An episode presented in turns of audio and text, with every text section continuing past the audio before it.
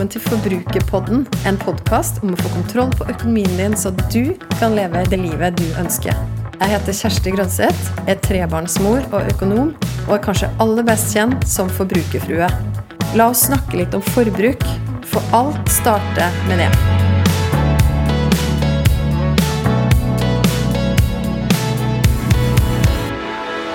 Hei der du er! Jeg er litt nysgjerrig på hvor du befinner deg hen. Du som har tuna inn på Forbrukerpodden og akkurat denne episoden. Om du har hørt på denne podkasten mange ganger før, eller om dette er første episode du kanskje har fått tips fra noen om. Jeg er nysgjerrig på hvor du er. Er du ute og går tur? Er du i bil eller på kollektivtransport? Er du på vei til jobb eller et annet sted, eller kanskje på vei hjem? Jeg er nysgjerrig på hvor du befinner deg. Og så er jeg glad for at du har valgt å bruke de neste minuttene sammen med meg og denne podkastepisoden. Du, I det siste så har jeg kjent meg litt sånn, hva skal jeg kalle det, tilbake på tegnebrettet. Og la meg forklare hva jeg mener med det. Nå er det ganske snart, 1.11.2021, så er det tre år siden jeg starta bloggen forbrukerfrue.no og Instagram-kontoen Forbrukerfrue.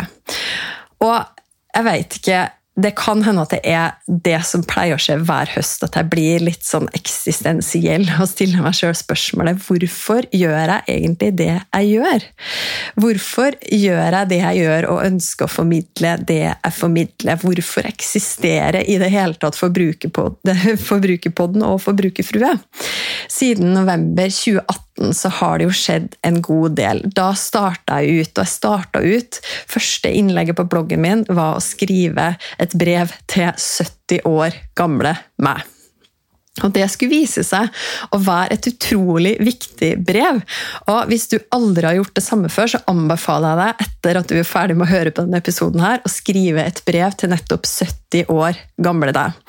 Og hvorfor det? Jo, fordi at da kan du se for deg at for mest sannsynlig er jo det et stykke fram i ditt liv.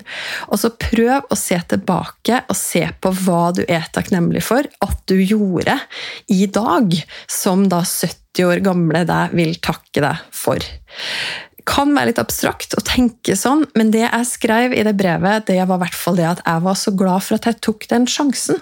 Tok sjansen på å starte og dele med noe av det som jeg brenner for.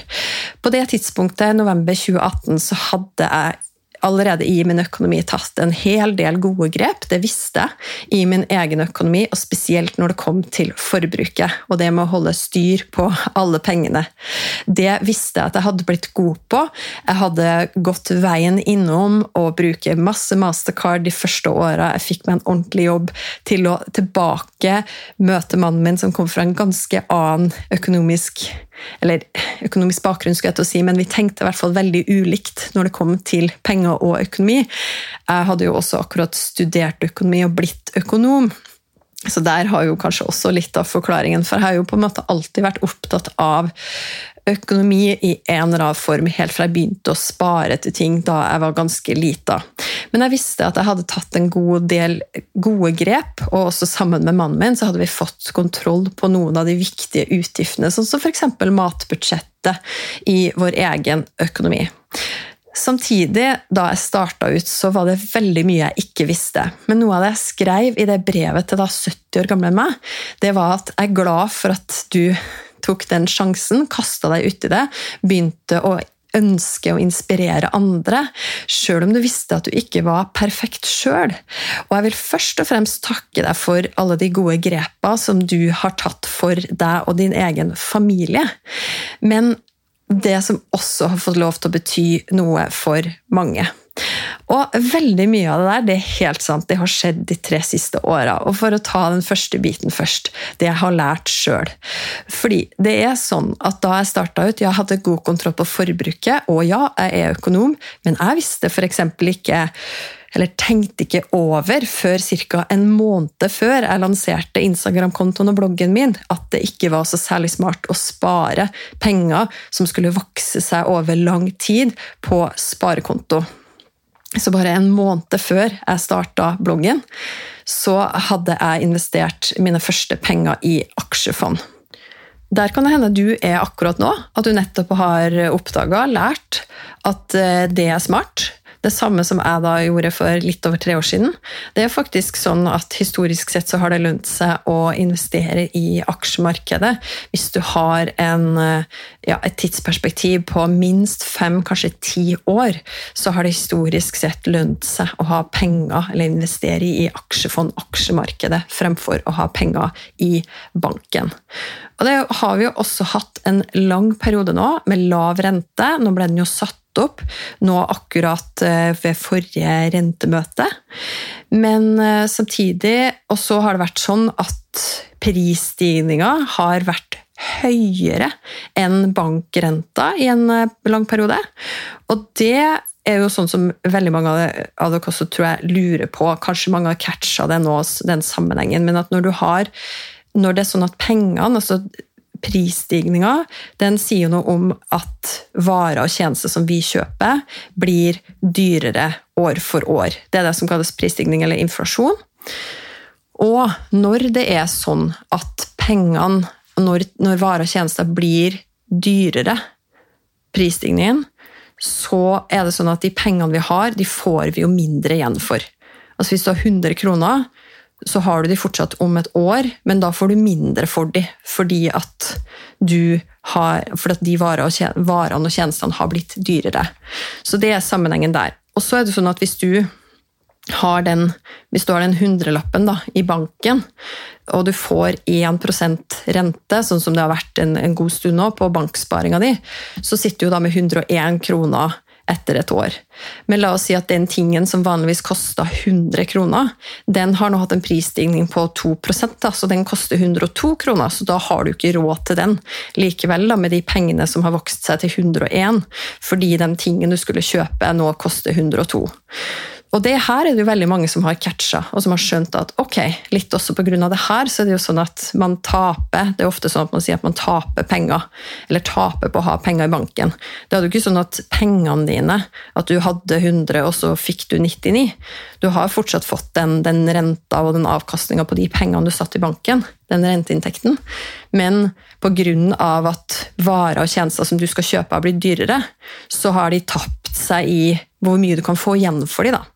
Sånn at Derfor så er det jo også veldig mange, spesielt nå når renta er så lav også, man får lite igjen for å ha penger i banken, så det er veldig mange som har skjønt at ok, det å investere i aksjemarkedet, det vil, hvis jeg nå lager meg en plan og en strategi på at de pengene her skal jo bare stå urørt over tid, fordi jeg har et langt sparemål. Kanskje jeg ønsker å spare til min egen pensjon, eller kanskje jeg ønsker å spare til eh, ekstra rask nedbetaling av bolig, eller kanskje jeg ønsker å spare til barn, eller hva som helst. Så jeg trenger ikke å tenke på de pengene. Da kan jeg investere det i aksjefond og bare sitte stille i båten når da pilene peker litt nedover og, og aksjefondene dine blir mindre verdt, men du vet at du har en langsiktig plan på de pengene, og det, da er det en god strategi for deg, hvis du har det. Så det her er det jo mange som har skjønt, og det skjønte også jeg da for ja, ganske nøyaktig tre år siden.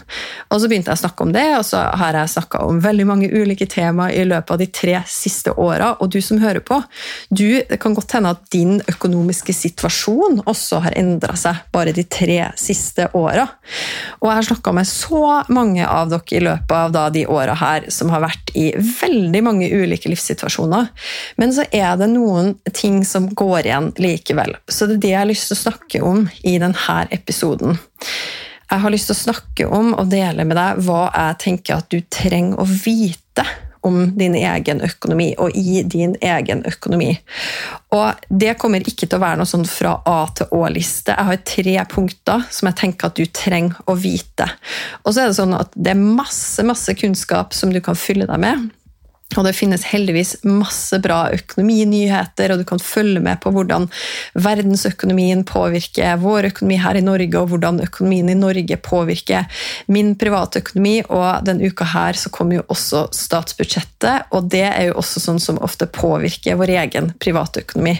Så du kan følge med på alt det der. Du kan lese gode økonomiske tidsskrifter hvis du er spesielt interessert, og ikke minst så kan du også koble deg på et av de mange fantastiske forumene forumene som skjer f.eks. på Facebook, der det er masse, masse folk som snakker om personlig økonomi. Men det jeg tenker da, i tillegg til den kunnskapen som du kan få fra de her ulike kildene, så har jeg, så har jeg tenkt på tre ting som, som jeg syns at du trenger å vite, du som hører på Forbrukerpodden. Og så har jeg også noen ting etterpå som jeg tenker at hva er det du trenger å erfare i din egen økonomi. Så det er de tingene som jeg har lyst til å snakke med deg om nå. Hva trenger du å vite, og hva trenger du å erfare?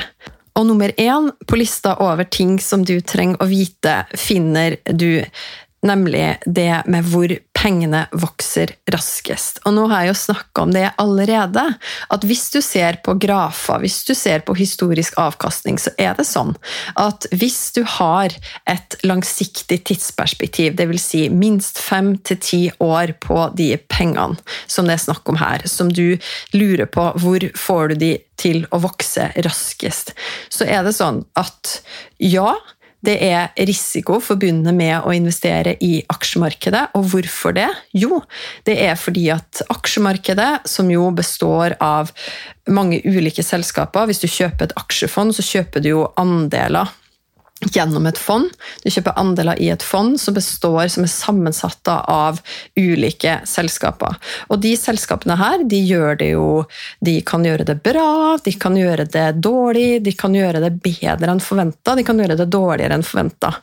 Og det akkurat det siste der, det er veldig mye av det som påvirker også aksjekursen til et selskap. For det, det, kan jo være veldig god sammenheng mellom kursen, altså det som markedet har sagt at det her er prisen på det selskapet, det her er det det er verdt, og hvordan det faktisk går med det selskapet. Men det trenger ikke alltid å være sånn. Så det er jo sånn at fra dag til dag og fra periode til periode, bare innad i et år eller bare mellom to år, så kan det svinge veldig mye. Men når man ser på en lengre periode, og når man ser på noen av de grafene på historisk avkastning på f.eks. Oslo Børs, da, så kan man jo se at okay, det, kurven går oppover. Så hvis du zoomer inn på noen perioder, så ser du at okay, her har det gått veldig mye ned. Men så ser du at trenden den er jo positiv oppover, oppoverstigende. Sånn at det, hvis, hvis, du tror på at den utviklingen skal fortsette, så er det sånn at hvis du bruker og legger historisk avkastning til grunn, så ja, det er risiko fordi det kan svinge mye fra en periode til neste, og det kan skje også mye hendelser i verden som påvirker markedet for råvarer og ulike dynamikker i også verdensøkonomien. Men hvis du både har et langsiktig tidsperspektiv, og du i tillegg har spredt risikoen din litt. Hvis du ikke bare har investert i ett selskap i ett land, men du har f.eks. investert i et globalt fond, da har du jo spredt risikoen fordi du har investert Du er ikke så sårbar da, hvis det skjer noe negativt i ett land eller i en spesifikk region. Så det er jo en måte du kan ta ned risikoen på, eller redusere risikoen ved å ha, eh, investere f.eks. i et globalt fond. En annen måte du sprer risikoen på, er jo ved å investere i eh, selskap som er i ulike bransjer. At du ikke har sikta deg inn mot én spesifikk bransje.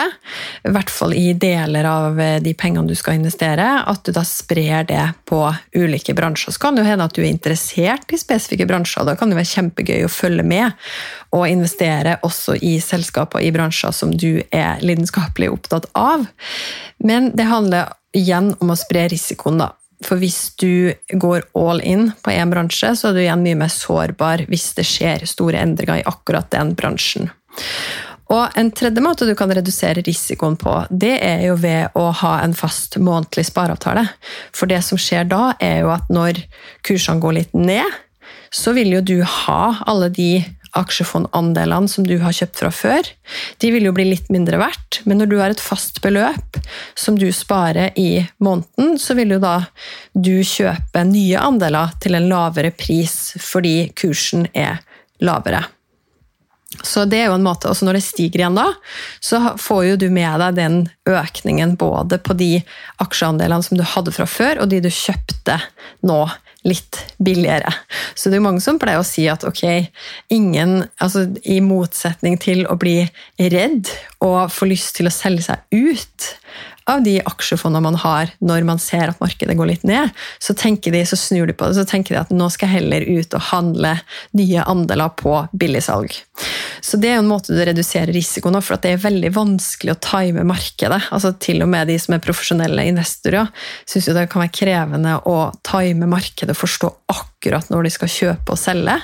Når du da investerer i et aksjefond, og du i tillegg gjør det med en, et fast beløp gjerne i måneden, så trenger ikke du å tenke på hva som egentlig skjer i markedet. Du trenger å bare sitte helt i ro og ikke følge med så mye i de periodene der du hører masse i media osv. om at nå er det uro. Så istedenfor å bekymre deg for det, så kan du heller tenke på den langsiktige strategien du har, den langsiktige planen du har om å spare lenge å ha de pengene her stående lenge, for da trenger du ikke å være bekymra for det som skjer, og du trenger ikke å tenke på at du skal time markedet med når du skal selge og når du skal kjøpe igjen. Ok, For det andre jeg tenker at du også trenger å kjenne til og vite et enkelt prinsipp for å vurdere om du skal f.eks. betale ned på lån, eller om du skal fortsette å spare i BSU. Det var et spørsmål som jeg fikk for ikke så lenge siden.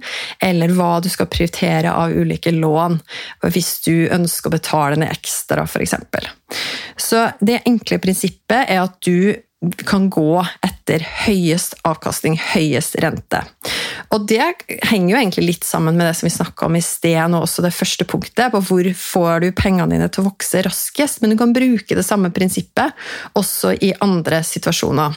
Og la meg ta det eksempelet. Jeg fikk et spørsmål fra ei som følger meg på Instagram, som spurte da i innboksen lønner det seg for meg å fortsette å, betale, nei, fortsette å spare på BSU-kontoen min når jeg ikke lenger får skattefradrag, eller lønner det seg nå å begynne å betale ned på boliglånet?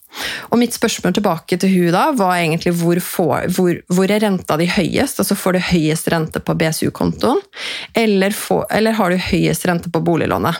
Og Da sa hun det at hun har høyest rente på BSU-kontoen. Så rent økonomisk da, så vil det jo lønne seg, da vil hun få mest igjen for de pengene, de tusenlappene i måneden som hun putter inn, selv om hun ikke lenger får skattefradrag på å putte de på BSU-kontoen. For de pengene der kan du jo seinere bruke også til å betale ned på lånet.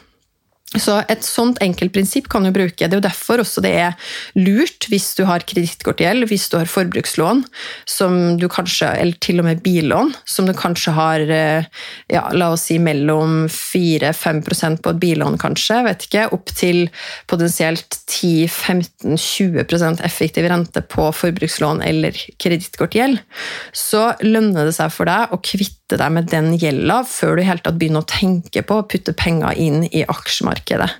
Fordi at da er det jo sånn at du egentlig ja, du kan tenke akkurat likt. Hvor er det for mest igjen for pengene mine? Og nå er det jo ikke snakk om Hvis du skal betale ned på lån, så er det jo ikke nødvendigvis sånn at du skal få de pengene til å vokse, det handler om å betale ned gjeld. Men det samme prinsippet gjelder. At du kan tenke på hvor, hvor får jeg høyest avkastning, og det inkluderer også hvor har jeg høyest rente på lån.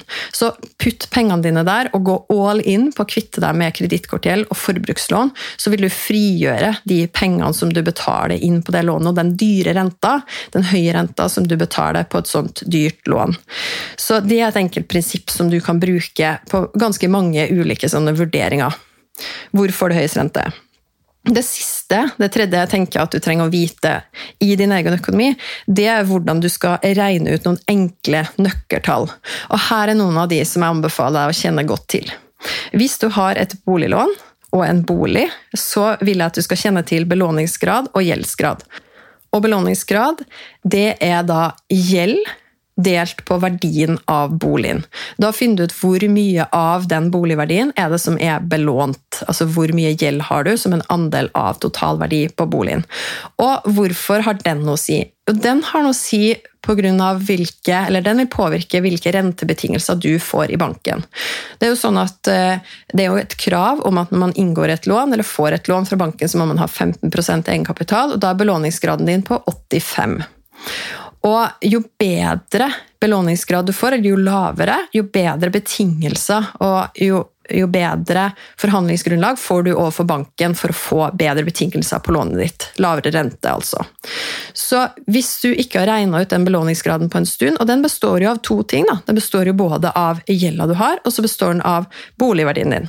Hvis du ikke har sjekka boligverdien min på en stund, så kan det være smart å gjøre det. Du kan gjøre det med tjenester som f.eks. virdi.no, som finnes der du kan få et estimat på boligen din ved å taste inn hvor du bor. Eller du kan invitere en eiendomsmegler til å komme og ta en befaring av din bolig og gi deg en verdivurdering.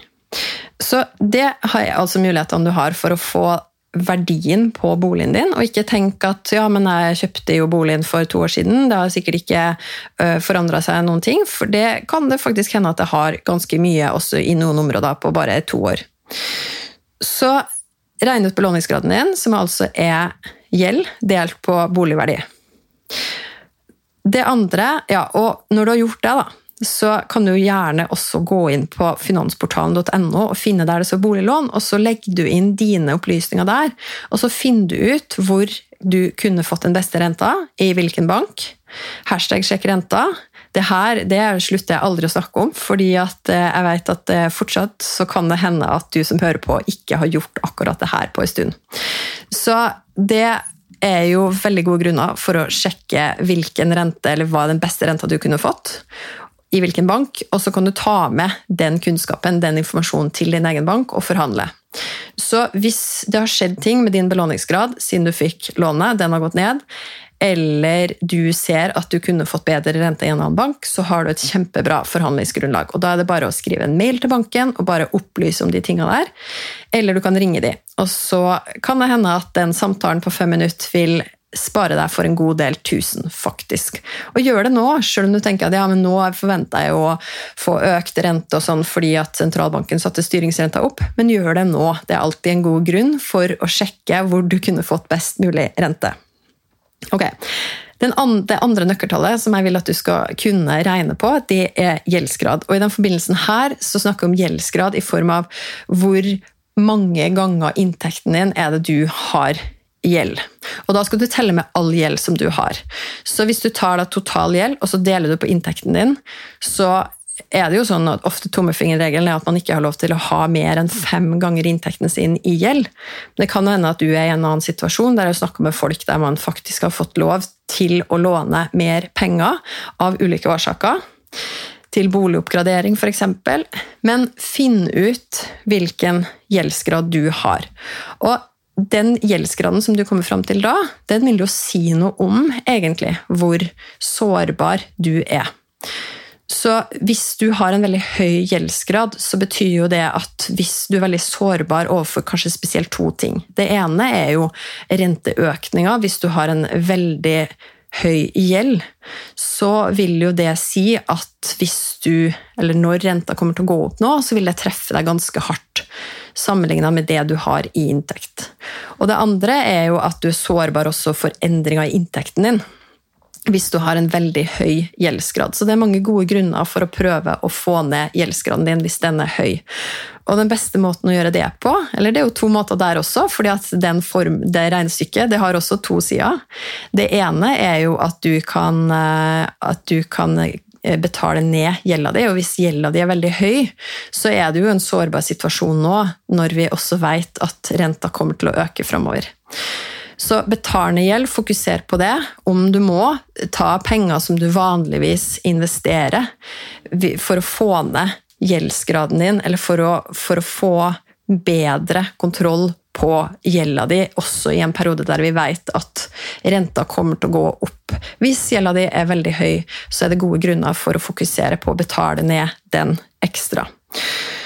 Det andre er jo å øke inntekten din hvis du har muligheten til det. fordi at da sier det jo hvis du, hvis du, klarer det, så er du jo mindre sårbar. For da har du jo mer penger å rutte med til å også betjene bl.a. lån. Så det var belåningsgrad, og det var gjeldsgrad. Og det tredje jeg vil at du skal kunne regne ut, det er overskuddet ditt hver måned. Og overskuddet ditt hver måned det er jo egentlig bare det du får inn på konto Og så, er det det du sitter igjen med på slutten av måneden. Veldig enkelt sagt. Hva har du brukt penger på, hvor mye sitter du igjen med på slutten av måneden? Og Når du regner ut det der, så er det jo ulike utfall du kan få. Det ene er jo at du ser at du faktisk går i minus, eller at du, du trenger ikke nødvendigvis å se det engang, men du vet at du går i minus. Og hvordan kan det skje? Det kan jo skje hvis du bruker lånte penger, altså hvis du bruker kredittkort f.eks. Så har jo du gjerne brukt mer enn du faktisk fikk inn på konto den måneden. Det andre du kan oppdage, er jo at du får et sitte igjen med penger på slutten av måneden. Og Det kan jo føles litt sånn deilig og romslig å ha overskudd, men er det tilfeldig? Eller kunne du, er det sånn at det var flaks? Eller at du kunne, kunne du alternativt brukt de pengene Ville du ønske å bruke de pengene annerledes, hvis det er sånn at du stadig går med overskudd? Og så kan det hende at du går i null, at du vet at du stort sett pleier å gå i null, er det fordi at du pleier å bruke mye penger i starten, og så har du lite igjen på slutten av måneden, og så går du sånn akkurat i null fordi du ikke tillater deg sjøl å bruke kredittkort? Eller er det faktisk by design at du går i null fordi du har planlagt for den inntekta di, hvor alle pengene dine skal gå? Så tenk litt på det, og regne ut overskuddet ditt hver måned. Det var de tre tingene som jeg tenker du trenger å vite i din egen økonomi. Og så har jeg også lyst til å snakke med deg om hva er det du trenger å erfare i din egen økonomi. Jeg vil at du skal erfare at det er mulig å forhandle, for det første. Jeg har vært inne på det når det gjaldt det sjekk renta og samtale med banken din om boligrenta for så vidt også andre renter. Det er mulig å fylle deg med kunnskap, finne ut hvilke alternativ du har. Og du vet at I en forhandling, jo bedre alternativ du har, jo bedre forhandlingsposisjon er du i. Og jo mer du vet om hva den du forhandler med også ønsker, f.eks. en bank, den ønsker jo gjerne å beholde deg som kunde.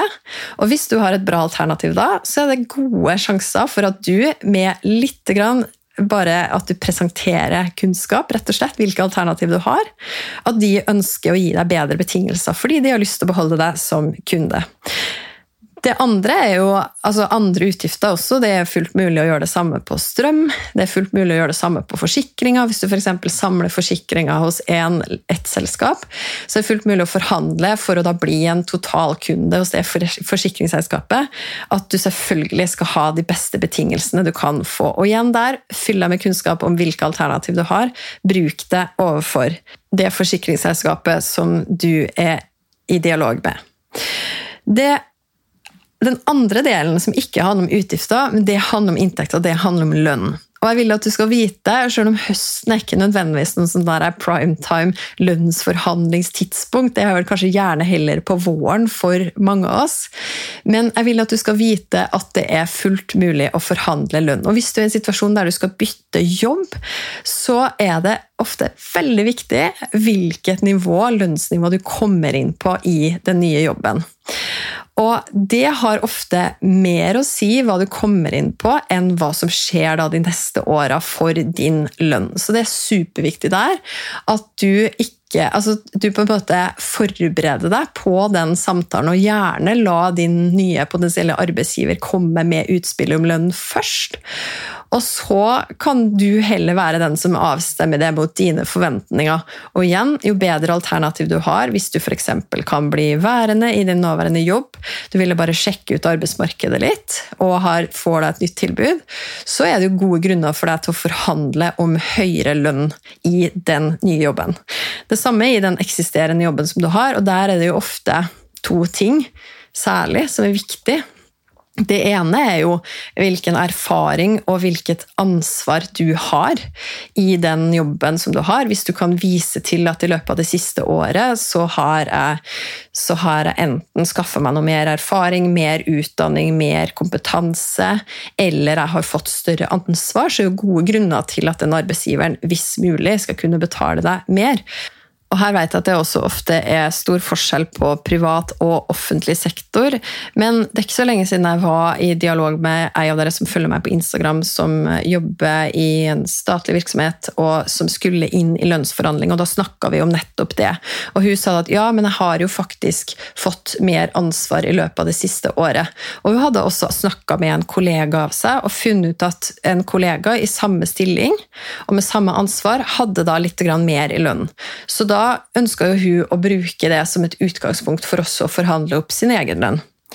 Det andre er jo det at hvis man har et sted der man skal vise til at man har levert noen resultat, f.eks., at man da er flink til å, til, å, til å, notere seg det, altså dokumentere hvilke salg du har vært med på, eller hva du, har, hva du har vært med på å levere, hvilke resultat du og teamet ditt har vært med på å levere, og at du er frimodig også på å presentere det når du skal forhandle lønn med din sjef. Så det er jo noen konkrete tips til deg som er i den type jobb der du faktisk kan forhandle om lønn, eller til deg som skal ha søkt på en ny jobb og lurer på om hvor frimodig du skal være i møte med den nye arbeidsgiveren. Men her er det jo sikkert like mange historier som det er lyttere av den podkasten her, på hvordan, hva du har erfart. Det jeg i hvert fall vil at du skal kunne erfare, det er at når du har faktagrunnlaget ditt på plass, da. når du har kunnskap om din egen situasjon, så vil jeg at du skal tørre å bruke den inn i en forhandlingssituasjon. Og, men fortell meg gjerne, del gjerne på heietforbrukerfrue.no din historie når det kommer til å forhandle lønn. Så tar jeg gjerne sparringen videre med deg på innboksen. Ok, Det andre jeg vil at du skal erfare, det er jo det her hvor viktig det er å ha buffer. Og det er jo en ting vi har snakka veldig mye om, spesielt etter og siden mars 2020. Nå var det en artikkel nå nettopp, tror det var i Dagens Næringsliv, hvor det var beskrevet at banksparinga dobla seg i 2020, og 120 milliarder mer blei spart i banken forrige år. Og det eksempelet, den personen som var intervjua, var en pilot. som da, De er jo noen av de som har vært utsatt for ganske store omveltninger det siste året. Og han her, i den saken, han hadde tatt alle pengene som han vanligvis investerte i aksjemarkedet, og så hadde han satt det inn i banken for å ha en god buffer, fordi han erfarte da at tidene var så usikre for akkurat han.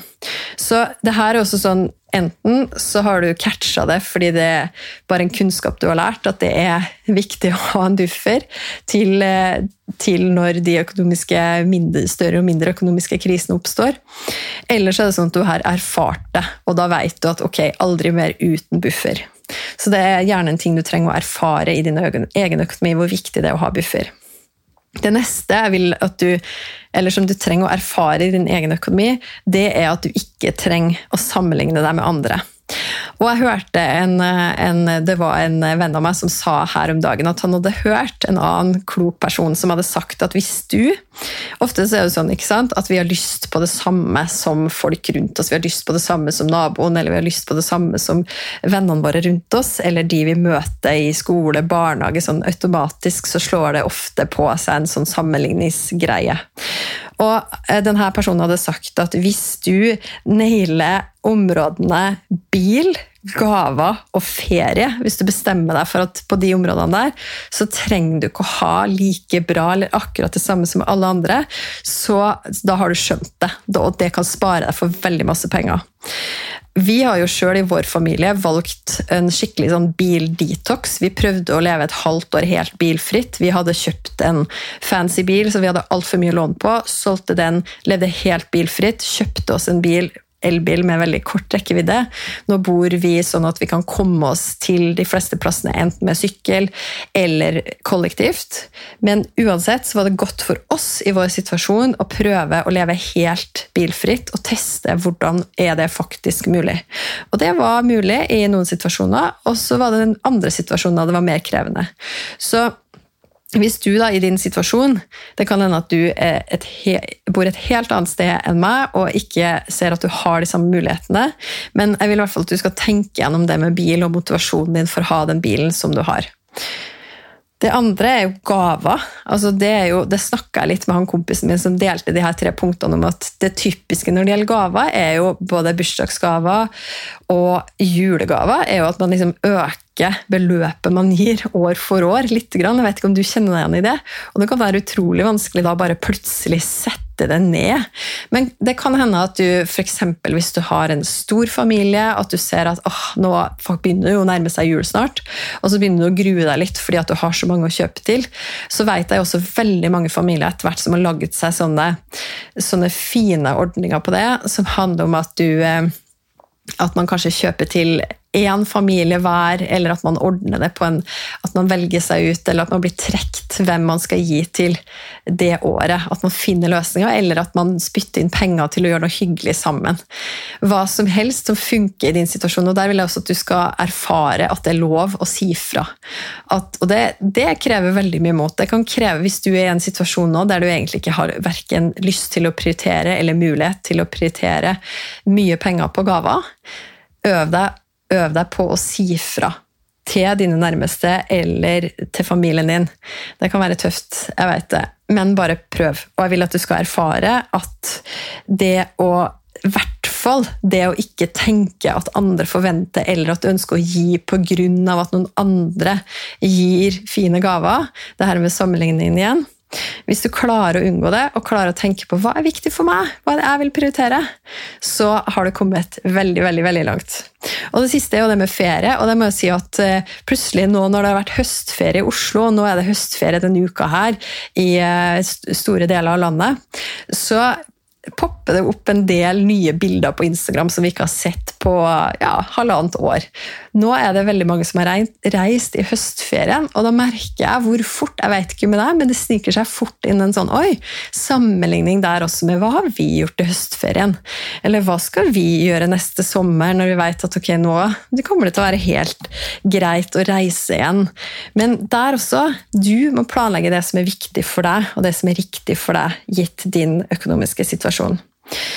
Det neste jeg vil at du skal erfare i din egen økonomi, det er at relativt enkle vaner de funker faktisk. Hvis du er lei av å stadig bruke mer penger på mat enn det du har tenkt, det funker faktisk å planlegge ukemeny. Det funker faktisk å lage handleliste. Men du må, hvis du er sånn som meg, at hvis du ikke har det i kalenderen, så glipper det. Så må du sette opp det tidspunktet der du har tenkt, og planlegge uka di, planlegge den menyen, for at det skal skje. Du må lage den handlelista for at du skal kunne ha kontroll på den handleturen. Ok? Men det funker. Det funker. Og så vil jeg at du skal få erfare at pengene dine de kan få bety noe for andre enn deg sjøl og dine nære.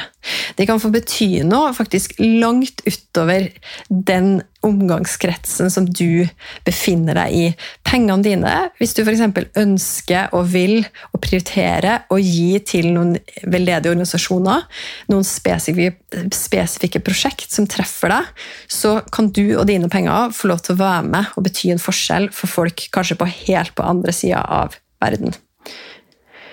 Ok, jeg vil at du skal erfare at du kan velge ditt liv på nytt og på nytt og på nytt. Det er faktisk dine valg i din økonomi. Det kan hende at i perioder så må du prioritere beinhardt. Jeg vil at du stadig vil at du skal ha litt sånn stolthet og bevissthet, en sånn god stolthet på at det er ditt liv, og det er dine prioriteringer og det er dine valg. I noen perioder så kan det hende at du må skjære ned til beinet på noen utgifter fordi at du er nødt til å prioritere noe annet, eller du ønsker å prioritere noe annet. Men vær stolt av det. Vær stolt av at det er ditt liv, og det er de valgene du ønsker å ta. Og så vet jeg at Noen ganger så er vår økonomiske situasjon så kan vi komme inn i en skikkelig skikkelig, skikkelig vanskelig situasjon. Og Da handler det om å be om hjelp, og det handler om å prøve å finne det, den ene tingen eller den neste tingen du kan gjøre for å komme deg ett steg videre ut av den vanskelige situasjonen som du har kommet i. Og det her med å prioritere beinhardt, da, og kunne vite hele tida hva er det som er viktig, enten i noen perioder fordi du må, eller hvis, du, hvis, det er sånn at du gjør det, og du gjør det ordentlig, så vil jeg si at det vil faktisk bli en ferdighet som du får. Og da kan det hende at du ønsker å fortsette å prioritere, for at du merker at wow, det faktisk, det gjør meg godt, og ikke bare flyte med og føle at jeg må bruke penger sånn som eh, andre gjør, eller det jeg tror andre forventer meg. Men jeg kan faktisk få prioritere å gjøre det som jeg vet er best for meg og min familie, hvis du har familie.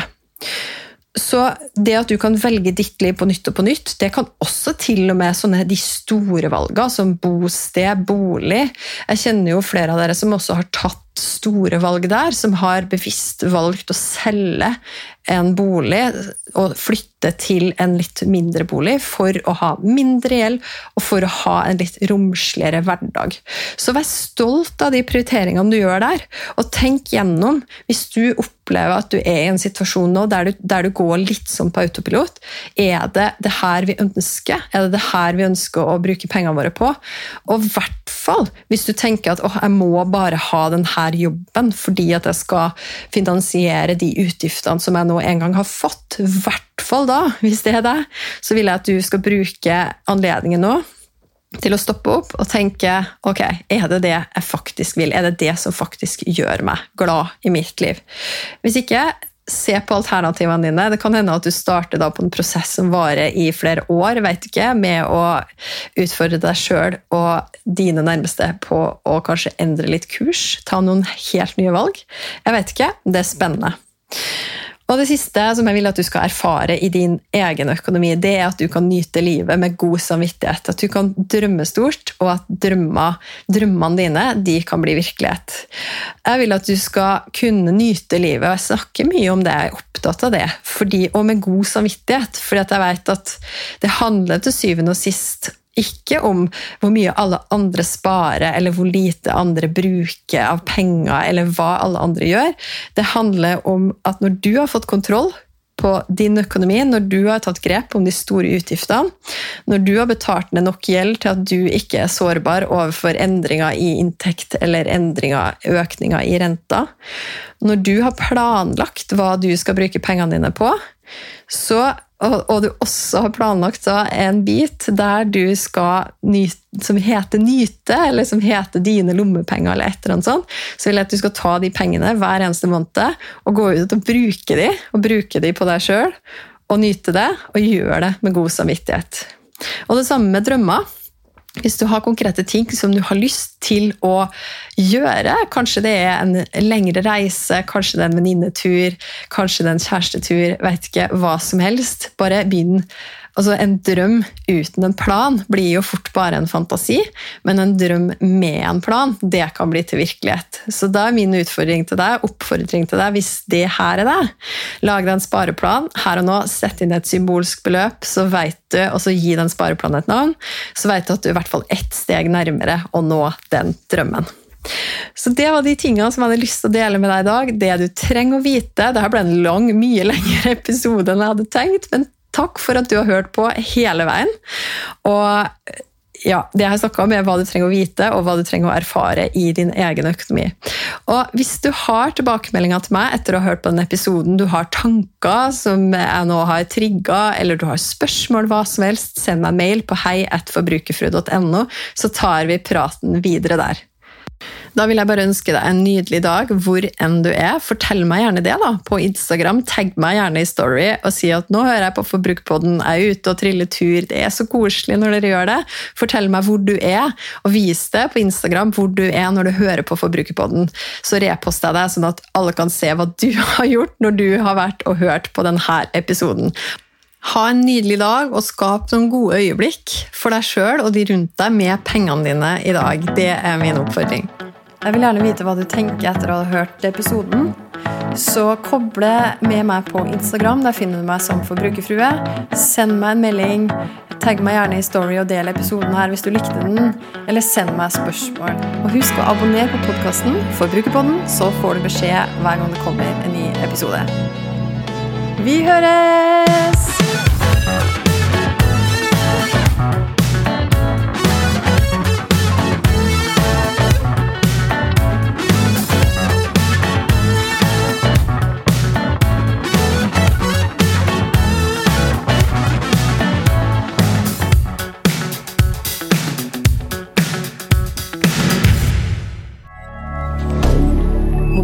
Moderne media.